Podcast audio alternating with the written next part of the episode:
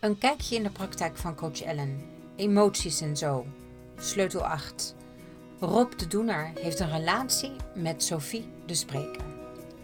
Tijdens het intakegesprek merkte ik al snel dat er veel afstand tussen Rob en Sophie was. Rob was heel erg druk met zijn werk en Sophie was verdrietig. Ze vond dat Rob geen aandacht gaf aan hun liefdesrelatie.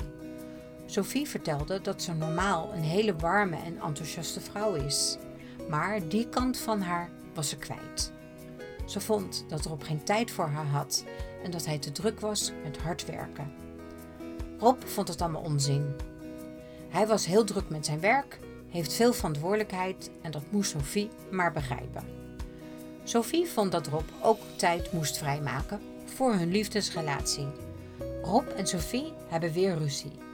Rob was weer laat thuisgekomen en had weer niet de moeite genomen om Sophie even te bellen om dit door te geven. De ruzie stapelde zich op en Sophie voelde zich heel erg alleen. Sophie zegt: Je kan me toch wel even bellen als het later wordt. Dit is toch een kleine moeite of stuur een sms'je. Je kan niet van mij verwachten dat ik daar ook nog rekening mee hou, zegt Rob geïrriteerd. Je begrijpt er ook echt niets van, zegt Sophie heel verdrietig. Sophie, het maakt jou ook helemaal niet uit hoe het met ons gaat. Je bent alleen maar bezig met je werk. Rob, nu moet je niet gaan huilen. Al die emoties en zo. Sophie loopt verdrietig en boos weg. Ze weet het even niet meer.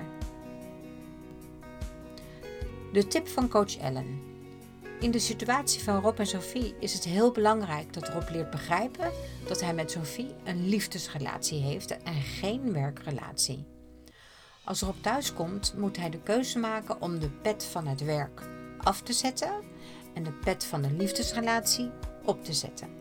Hierdoor kan hij aandacht geven aan zijn liefdesrelatie. Als je aandacht wil geven aan je liefdesrelatie, moet je bewust zijn van je emoties.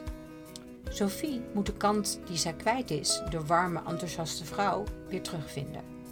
Dat heeft natuurlijk tijd nodig.